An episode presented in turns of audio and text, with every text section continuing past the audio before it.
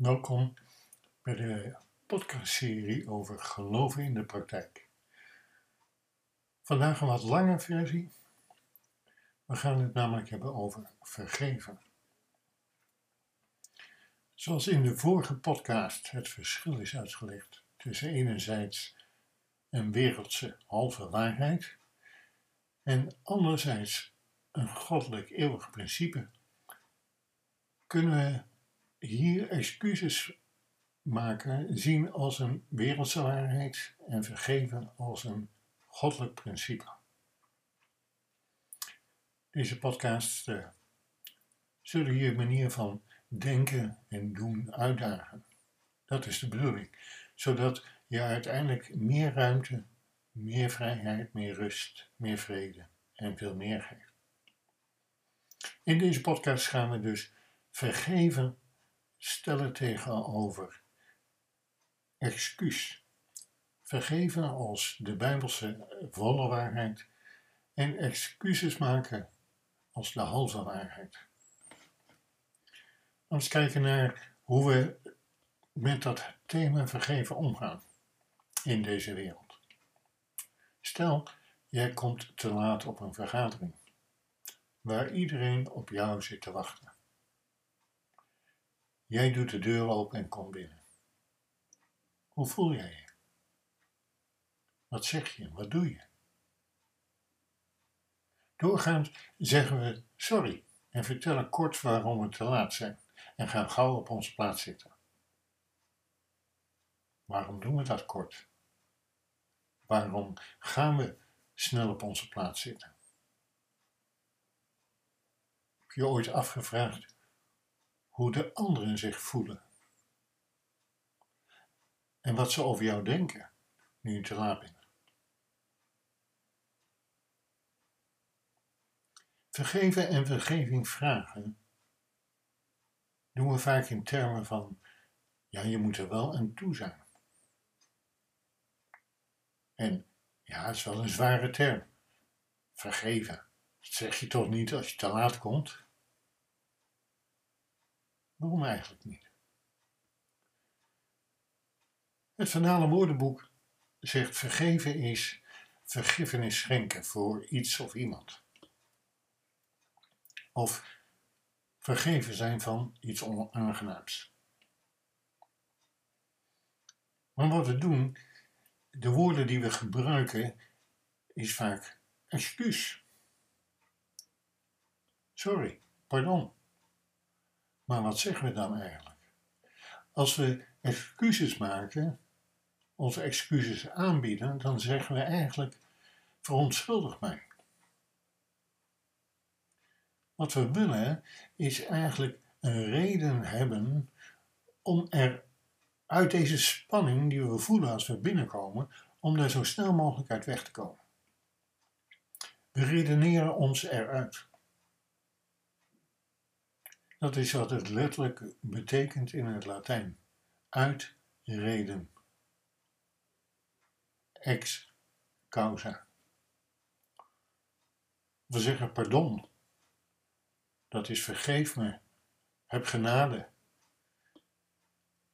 Schenk mij vergiffenis. Neem het mij niet kwalijk. Dus we voelen ergens aan dat er bij de ander een schuld is ontstaan. En dan zeggen wij, laat die niet ontstaan. Nee, die is al ontstaan. Als we kijken naar vergeven en vergeving in de Bijbel, dan worden we automatisch gedwongen, geleid eh, naar hoe Jezus met vergeven omgaat. We kunnen zijn manier van vergeven, daar kunnen we wat van leren. We kunnen daar eigenlijk vier of vijf stappen van uh, onderscheiden. Het begon met het simpele feit dat God mens werd. Om onze overtredingen weg te nemen, om de relatie te herstellen werd God mens. Hij gaf daarvoor zijn goddelijke macht en heerlijkheid op. En, en Jezus maakte daar ook geen aanspraak op. Alhoewel hij er wel in verleid werd door Satan. Hij nam vervolgens verantwoording voor onze overtredingen. Jezus nam onze schuld, ontstaan door onze overtreding, op zich. Hij verklaarde zichzelf daarmee schuldig. Hij nam zo gezegd onze plaats in op death row, het bankje voor de elektrische stoel. Terwijl hij daar helemaal niet hoefde te zitten, want hij had niets fout gedaan. Dat was de tweede stap. Dus de eerste, onze rechten opgeven. De tweede, verantwoording nemen.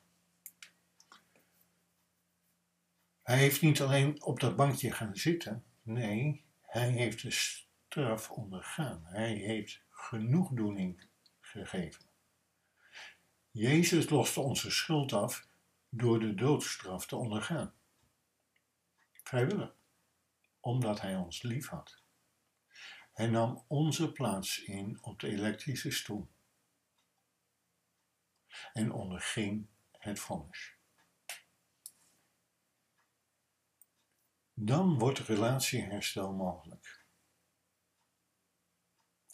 Want onze relatie was verbroken met God.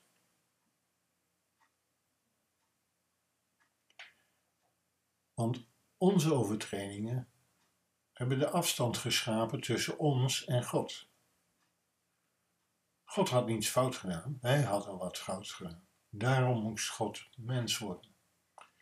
Want er was geen mens die niet voor zijn eigen zonde hoefde te sterven. Hij moest dus een zondeloos mens zijn. Jezus heeft die straf gedragen en daarmee onze overtredingen weggenomen. Maar dat was niet alles wat hij gedaan heeft. Hij was namelijk gekomen om onze, om onze relatie met God te herstellen. En daarvoor moest hij weer teruggaan naar waar hij vandaan gekomen was. Om ons zijn geest, de Heilige Geest, te geven. Die ons weer in een verzoende verbinding met God bracht. God is immers geest. En dan, dan kan de relatie hersteld worden. De vijfde stap. Het leven kan weer ten volle geleefd worden in vrijheid. Wij zullen leven tot in eeuwigheid. Ja, fysiek nog sterven, maar we zullen met Hem leven in eeuwigheid in een herstelde relatie met God. Hoe ziet dat er nou voor ons in de praktijk van alle dag uit? Laten we eens kijken naar vergeven. Als, je, als iemand jou wat heeft aangedaan, dan kun je iemand vergeven.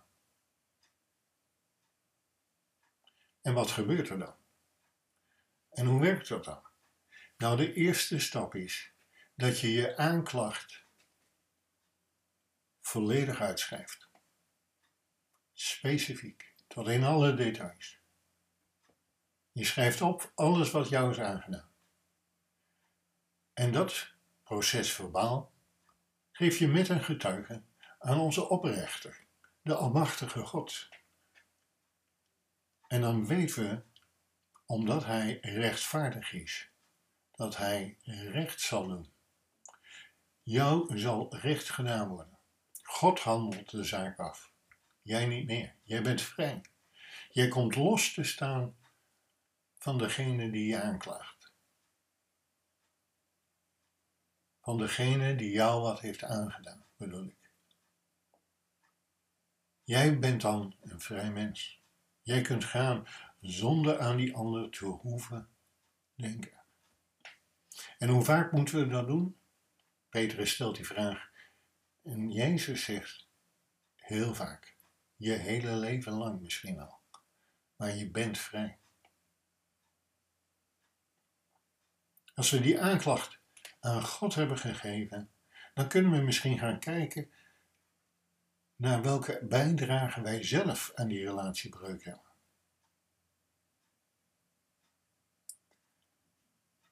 Het kan maar zo zijn dat bijvoorbeeld jij twintig keer te laat bent gekomen en er een relatiebreuk is ontstaan en mensen jou mijden.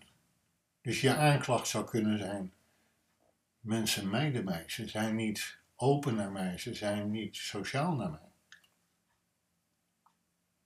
Die aanklacht heeft God. En dan zou je kunnen kijken: hé, hey, ik ben heel vaak te laat gekomen. En, en wat heb ik daarmee gecommuniceerd? Zonder dat ik het mij bewust was. Wat gebeurt er met mij als iemand twintig keer te laat komt? Dan heb ik minder respect en minder vertrouwen in die persoon. Mijn liefde bekoelt wat. En mijn relatie met die persoon zal wat oppervlakkiger worden. Ik vertrouw die persoon niet helemaal meer. Dus stel nou eens voor dat het zoiets kleins is en je gaat de, de, de, de groep mensen individueel langs en zegt: Hé, hey, wat is er aan de hand? Ik merk dat onze relatie wat oppervlakkig is geworden. Heb je enig idee waardoor dat komt? En misschien is het wel dat je alleen zegt van, hé, hey, ik, ik ben twintig keer te laat gekomen. Wat heeft dat met jou gedaan? En dan horen. En dan hoop ik dat degene die jou hoort oprecht is en jou teruggeeft wat het met die ander gedaan heeft. En nog steeds doet. En dan neem je daar de verantwoording voor. Dat, en dan zeg je, dat heb ik gedaan. En dan komt de vraag, wat is er nodig om die schade te herstellen? Nou, je weet het al, op tijd komen. Dus je zegt, ik werk mij toe om er op tijd te zijn. Ik zal alle vergaderingen op tijd aanwezig zijn. Is dat oké voor jou? Even controleren of het zo goed is. En dan misschien nog specifiek vragen: wil je mij vergeven dat ik jou niet bijvoorbeeld gerespecteerd heb of dat ik jouw vertrouwen beschaamd heb?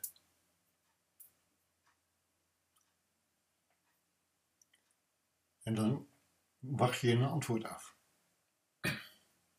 En dan zou de relatie kunnen herstellen en verzoenen. En misschien zelfs verdiepen. En normaliseren is ook al prachtig. Dus de stappen waar je doorheen loopt met het doel om de relatie te herstellen, is gericht op de ander. Je geeft je rechten op, je neemt verantwoording en je geeft genoeg doen, zodat het herstel kan komen. Je kunt het ook heel fout doen, waarbij je eigenlijk je rechten niet opgeeft. Je houdt ze vast. Je hebt geen genade. Je geeft het niet aan God. Jij wordt God. Jij wordt de rechter. En je zegt dan misschien tegen de ander: Jullie zijn asociaal. Want jullie laten mij links liggen. En jullie communiceren niet bij mij.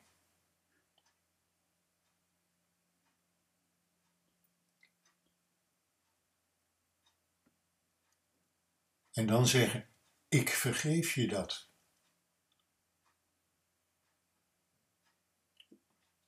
En misschien word je wel helemaal niet specifiek. Eigenlijk beschuldig je de ander van iets wat je zelf hebt veroorzaakt. Zonder dat die ander er daadwerkelijk iets aan kan doen. En weet je, als jij die aanklacht vasthoudt, waar jij ook gaat. Al verhuis je naar de andere kant van de wereld, de ander gaat met je mee. Ik zeg wel eens, je hebt je bovenkamer gratis en voor niets verhuurd aan je ergste vijand. En je zult verbitterd raken. Als jij die rechten vasthoudt, zul je ook geen verantwoording nemen. Jij hebt namelijk geen bijdrage aan die relatiebreuk en ook geen verantwoording. De ander heeft verantwoording. Je bent alleen maar geïnteresseerd in je eigen gelijk, je eigen verhaal. Genoegdoening? Nee, de ander moet wat doen. Jouw vergeving vragen. Want jij bent de norm en jij bent de rechter. Jij hebt hoge verwachtingen. Je eist genoegdoening. En wanneer is het genoeg? Relatieherstel, daar hebben we het hier niet over. Het resultaat zal relatiebreuk zijn. Zover voor vergeven. Kijken we naar de andere kant. Jij hebt mensen iets aangedaan.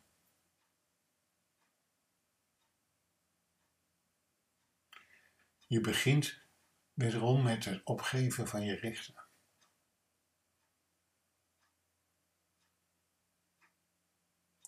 Je recht op begrepen worden. Je recht op jouw verhaal, jouw gelijk, jouw verklaring, jouw ervaring, jouw zelfrechtvaardiging. Jouw verhaaltjes over hoe het had moeten zijn.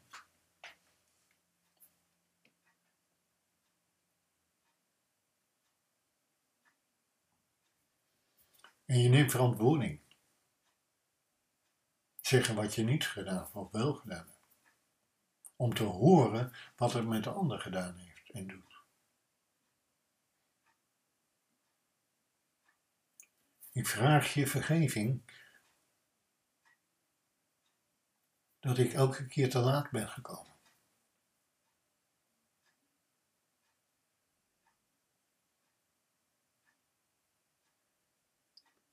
Je doet wat nodig is om de schade te herstellen, om de relatie te herstellen.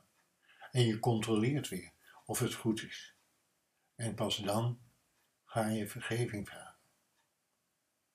Specifiek. Voor jou misschien non-communicatie of non-daden. Want je wil de relatie herstellen. En dat wordt dan weer mogelijk dan zul je mogelijkerwijs diepere relaties of meer relaties krijgen. Met meer zingeving. En meer leven. Dus de twee vergeven en vergeving vragen hebben slechts één doel: de relatie herstellen. En dat begint altijd met het opgeven van je rechten en verantwoording te nemen voor jouw bijdrage genoegdoening te, te geven, zodat de relatie hersteld kan worden. En het is gericht niet op jouzelf, maar op de ander. Net als liefde gericht is op de ander. Zo zou het moeten gaan in het koninkrijk van God. Maar wat zien we? We zeggen sorry. Er zijn net zoveel christenen als niet-christenen die sorry zeggen. Of die zeggen dat moet je loslaten. Sorry zeggen is excuses maken. Het model van deze wereld. We verklaren waarom we dingen doen. Het zijn de omstandigheden. Of het zijn andere mensen. Zij zijn de oorzaak. Zij zijn de reden. En we doen dat in algemene termen. We nemen geen verantwoording en wij zijn eigenlijk een slachtoffer van mensen of omstandigheden. Heb medelijden met mij. Zover kan het komen. Sorry zeggen is niet hetzelfde als vergeving vragen. Sorry zeggen is snel uit de spanning weg willen, uit het ongemak van binnenkomen. Dat is een kortstondig ongemak. Terwijl vergeving vragen een langdurig ongemak is, maar met een eeuwig resultaat. Terwijl hier een kortstondig ongemak is met een langdurig resultaat. Er is een desinteresse in de ander. En in het beste geval zal er een schadeafwikkeling zijn. Maar de relatie zal een aardige barst hebben. Waardoor relaties oppervlakkig worden. Waardoor we uiteindelijk minder relaties zullen hebben en eenzaam zullen worden. En de zinloosheid van het leven gaan we ervaren. We gaan overleven. En als we zinloos zijn, hopeloos, eenzaam, wat voor zin heeft dit leven dan nog? En het is reden nummer één voor zelfmoord, de dood. Andere religies praten vaak over vergeven als loslaten. Maar ja, je schrijft je aanklacht, al dan niet specifiek volledig, wat jou is aangedaan. En dat moet je dan loslaten, op de grond laten vallen. Je geeft het niet aan iemand die er zorg voor draagt, maar je moet het loslaten. En dat is ongelooflijk moeilijk, want het onrechtvaardigheidsgevoel blijft bestaan. Er zal niemand recht gaan spreken. Er zal niemand voor jou op gaan staan en zal zeggen: Ik zal zorgen dat er recht gesproken zal worden in deze situatie. Je neemt eigenlijk geen verantwoording voor de loop van het recht. En je kan daardoor ook niet echt slachtoffer zijn, terwijl je het wel bent. En ook hier, het loslaten is geen genoegdoening. En misschien zelfs helemaal geen schadeafwikkeling. Relaties breken, raken gefrustreerd, worden oppervlakkig, minder relaties, eenzaamheid, zinloosheid. We gaan overleven en uiteindelijk dood.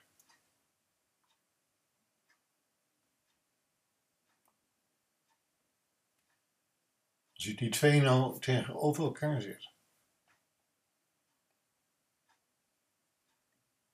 dan komt de vraag, dient zich het dan aan, van ben je bereid om te vergeven? Kijken naar wat jou allemaal is vergeven.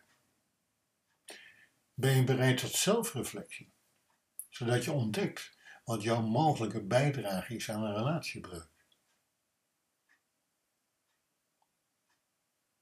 Heb je het lef om vergeving te vragen voor iets wat je niet gedaan hebt, omwille van een relatie? Heb je de ander genoeg lief om de relatie met de ander te herstellen?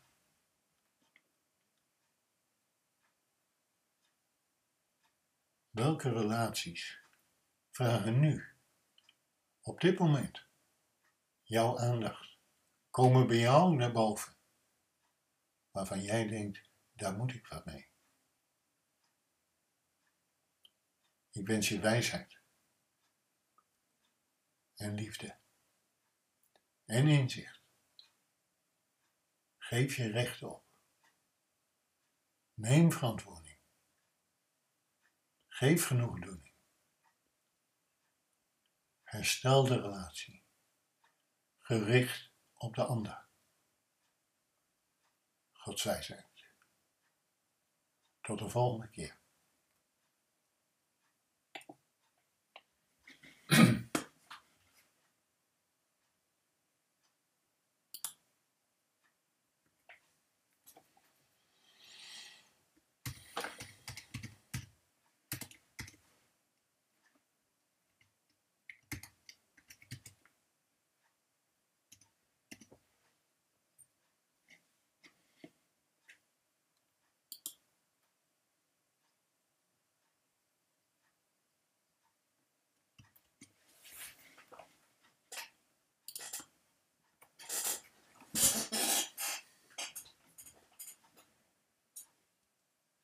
Mm-hmm.